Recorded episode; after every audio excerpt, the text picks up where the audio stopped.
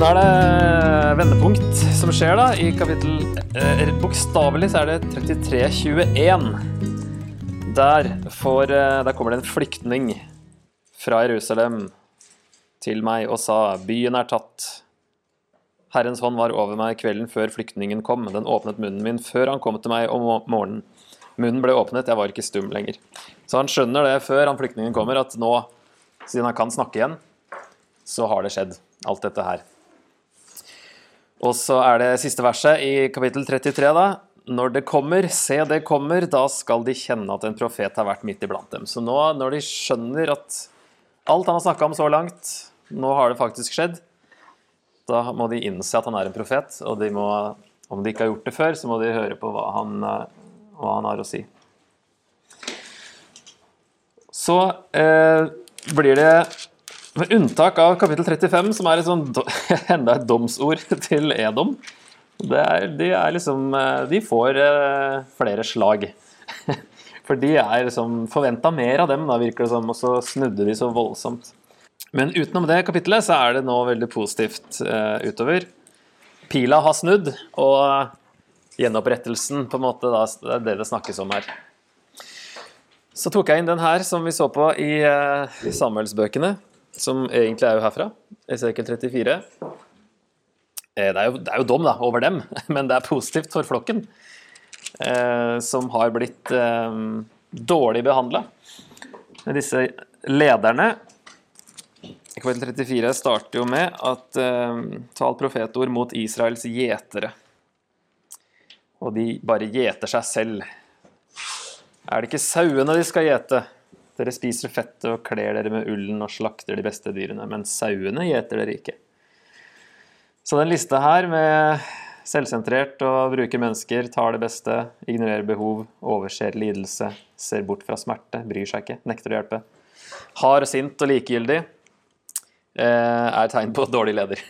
Om ikke det var tydelig. Så er det her da De må ta sin del av skylda eh, for at de nå er spredt. Sauene ble spredt, står det i vers 5. Så hvis vi ser litt mer konkret på hva det står her, så kan vi oppsummere synden da, som at de i stedet for å ta vare på flokken, så hadde disse lederne tatt vare på seg selv og latt flokken lide. Det er bl.a. deres skyld at, flokken, at, folket nå er spredt. De hadde ingen gjeter fordi de ikke gjorde jobben som gjeter. Dommen er at de skal avsettes, men sauene skal reddes. Så det er jo gjenopprettelse håp for eh, flokken, for sauene, men gjeterne som eh, dømmes her, da. Og gjenopprettelsen er at Gud vil redde sauene fra alle stedene de er blitt spredt til, Føre dem ut fra folkene, samle dem fra landene og føre dem tilbake til Israels land. Som sier fra vers 11. Jeg vil selv lete etter sauene mine og ta meg av dem. Det er jo noe av det Jesus uh, sier òg i uh, nøkkelverset i Lukas, at uh, menneskesønnen er kommet for å lete etter de bortkomne og redde dem. Så det er jo den samlinga som eh, En ting er altså tilbakevendingen fra, eh, fra, eksilet, er jo en samling. Men det å peke jo fram på den åndelige samlingen som Jesus kommer og gjør. Som, hvordan han oppfyller eksilet på den måten. Da. Eller oppfyller tilbakevendinga. Fordi videre så står det jo at eh, Gud selv skal være deres gjeter og la dem få hvile.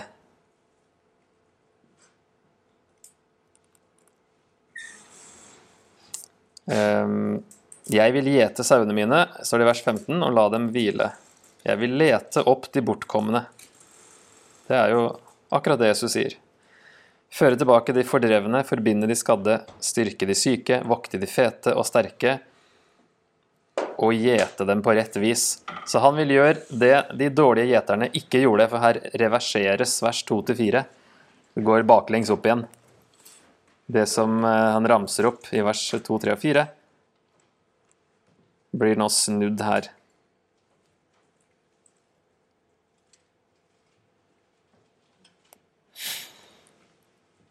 Så det er en tydelig eh, gjenopprettelse. Det ble da oppfylt. Mm, altså Avsettelsen av disse lederne, gjeterne, det skjedde jo 586, når eh, babylonerne kom da, for tredje gang. Og redningen skjer i 539, når de får komme tilbake. Men trolig med frampek til Jesus pga. det vi så på her òg, for så vidt, at Jesus bruker de tingene her, men enda mer fra vers 23 og ut kapittelet. Jeg vil sette én gjeter over dem, og han skal gjete dem. Min tjener David, han skal gjete dem. Han skal være deres gjeter.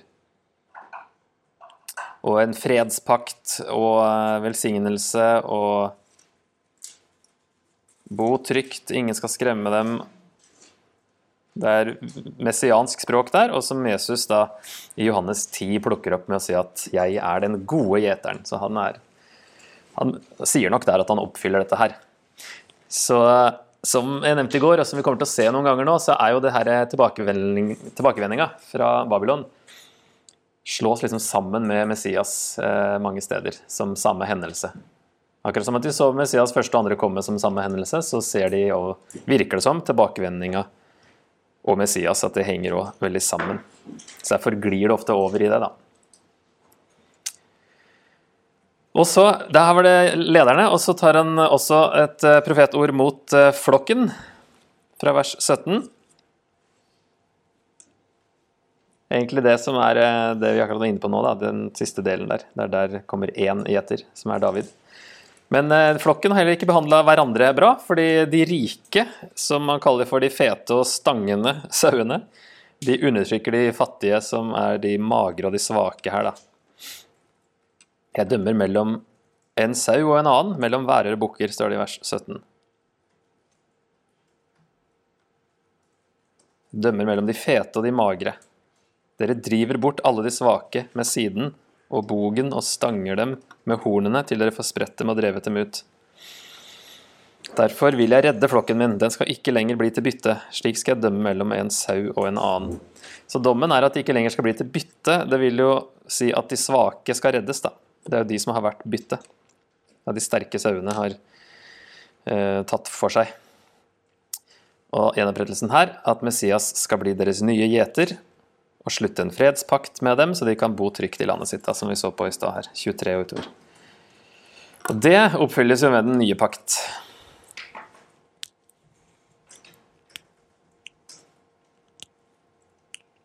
Så det begynner å bli sånn språk. Nye paktspråk. En fredspakt og en evig pakt og sånne ting her. Så, og David og ny konge og ny gjeter, så tror jeg vi kan si at uh, er Jesus i bildet.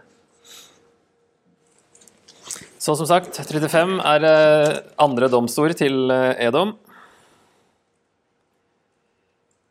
Kan jo hende at de er en sånn representant for alle motstandere av Gud, sånn som de var i Jesaja, men det er ikke så mye i kapittelet her som tyder på at det er universelt.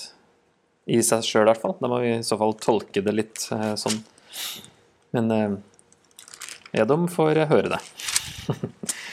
Og så kommer det 36 med hvor eh, landet og folket fornyes. Først så er det da overskriften her, profetord mot fjellene i Israel. Første 15 versene, og det er jo da som nevnt en reversering av kapittel 6, for der var det domsord mot fjellene. At de skulle ødelegges, så å si at uh, haugene og alle de offerhaugene sånn skulle knuses. Her skal folket komme tilbake og bygge opp igjen. Så det oppfylles, eller snus her, da. Og når de kommer um, tilbake, så skal de også få et nytt hjerte og en ny ånd, som er neste biten, fra vers 16. Og da, Hvis vi går litt tilbake, så ser vi at kapittel 34 lover da en ny gjeter. Og så her, kapittel 36, så er det et nytt, eller et fornyet land. Men så må også folket fornyes, så det kommer her i andre delen av kapittel 36. Og her sier Gud at eh, det var ikke det beste for hans rykte å sende dem til Babylon. I vers 20. Overalt hvor de kom, blant folkeslagene, vanhelliget de mitt hellige navn. For det ble sagt om dem, dette er Herrens folk, men de måtte dra ut av hans land.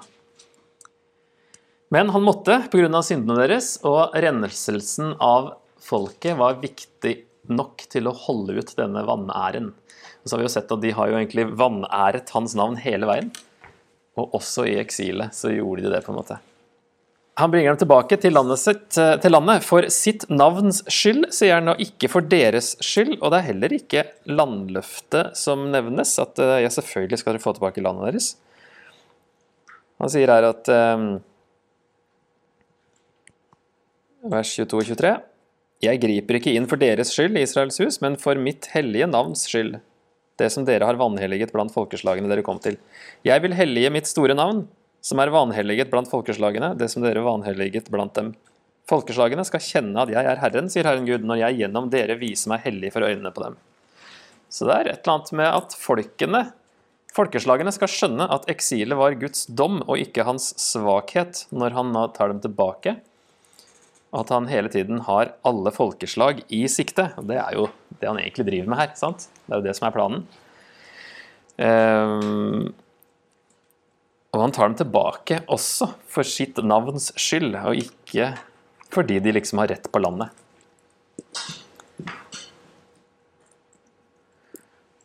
Og så eh,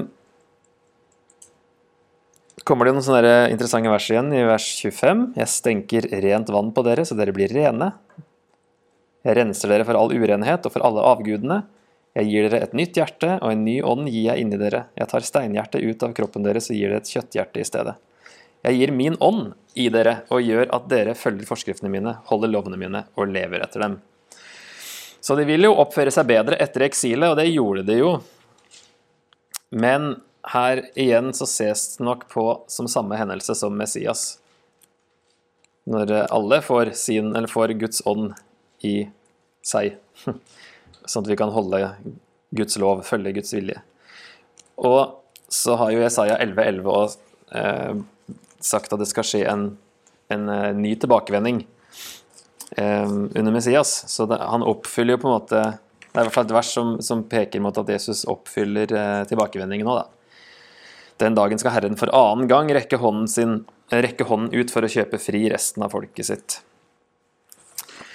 Ehm, så derfor kan det henge litt sammen, tilbakevendingen, fordi Jesus eh, oppfyller det. Så kan vi se på kapittel 37, da. Det er jo mest, ehm, det mest kjente, kanskje, i Esekiel, med de døde beina som blir levende. Bein var urene, og de her var da mye dødere enn Lasarus, det han ser her. Det er jo en visjon han ser. Men han er på et urent sted, spesielt som prest, så var dette nesten som å ta på døde mennesker. De er heller ikke begravd, og det er jo også sånn, en sånn pakt, paktsforbannelse. Det virker som at de skal få fram at de er forbannet. De hadde blitt offer for Guds dom, men det som skjer, er at ånden gjør det umulige mulig. Det som det er Nå spør jo Gud da, kan disse bli levende igjen. Og hadde de liksom akkurat vært døde noen få dager, så kunne kanskje Esekiel svart at ja, det kan de nok. Men her så sier han bare det vet bare du om dette her er mulig. For det ser jo helt håpløst ut. Og så står det i vers 11 at de knoklene, her er Israels folk som tenker at alt håp er ute. Men så viser visjonen her at de skal bli levende og føres tilbake til landet. Hør hva de sier, våre knokler er tørket inn, vårt håp er knust, det er ute med oss. Så det ser jo helt håpløst ut. Det ser ut som at alt håp er ute. Men så kommer Gud, kommer uh, Hans ånd, og blåser. Så de blir til et stort folk, en umåtelig stor hær, står det. Så det eh, i kontekst, for det her brukes jo ofte om liksom, oppstandelsen fra de døde en gang i framtiden. Um, og det har jeg på siste punktet, at det kan nok peke fram mot det. Men her er det jo i kontekst er det jo snakk om nasjonen Israel som da var død på en måte da, i Babylon. Men at den skal gjenreises av Gud, selv om det ser helt håpløst ut. Så at det da skjedde i 539. Så det er ikke den generelle oppstandelsen fra de døde, selv om det nok peker fram på det, siden Jesus sier i Lukas 24 at um, eh, hele Gammeltestamentet hadde snakka om at Messias skal lide og stå opp fra de døde tredje dag. Slik står det skrevet. Ehm, det er ikke akkurat det som skjer her, men som, når Jesus står opp, så viser jo det at de døde skal stå opp. Det henger sammen, sier Paulus i 1. Korinter 15. Men han sier jo her at uh, i Moseloven hos profetene og i salmene så står det at Messias skal lide og stå opp fra de døde tredje dag. Og det står ikke så veldig tydelig at han skulle det, men kanskje det her er et av de stedene som på en måte er inni innenfor uh, synsvidde da, når Jesus sier det. At det skal skje en oppstandelse, og hans oppstandelse peker fram på den store. Men her er det nok Israel som blir gjenreist som nasjon, da. Siste del av kapittel 37, at Israel og Juda skal forenes.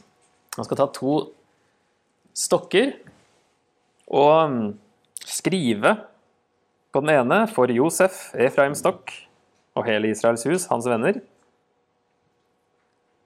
Og så eh, den andre skulle stå for Juda og israelittene, hans venner. Og så står det 'sett dem sammen, stokk mot stokk', så det blir til én trestokk i hånda di. Og jeg vet ikke Sånn som de har tenkt her, tegningen, så kanskje han holder over skjøten, da. Så ser det ut som én stokk. Eh, det er en vei av triks. Jeg bare, hey, se. Og poenget er at de skal forenes. ikke sant? Nord- og Sør-riket skal forenes når de nå blir gjenreist som et nytt folk. Så skal det ikke være delt lenger. Det skal være en ny enhet.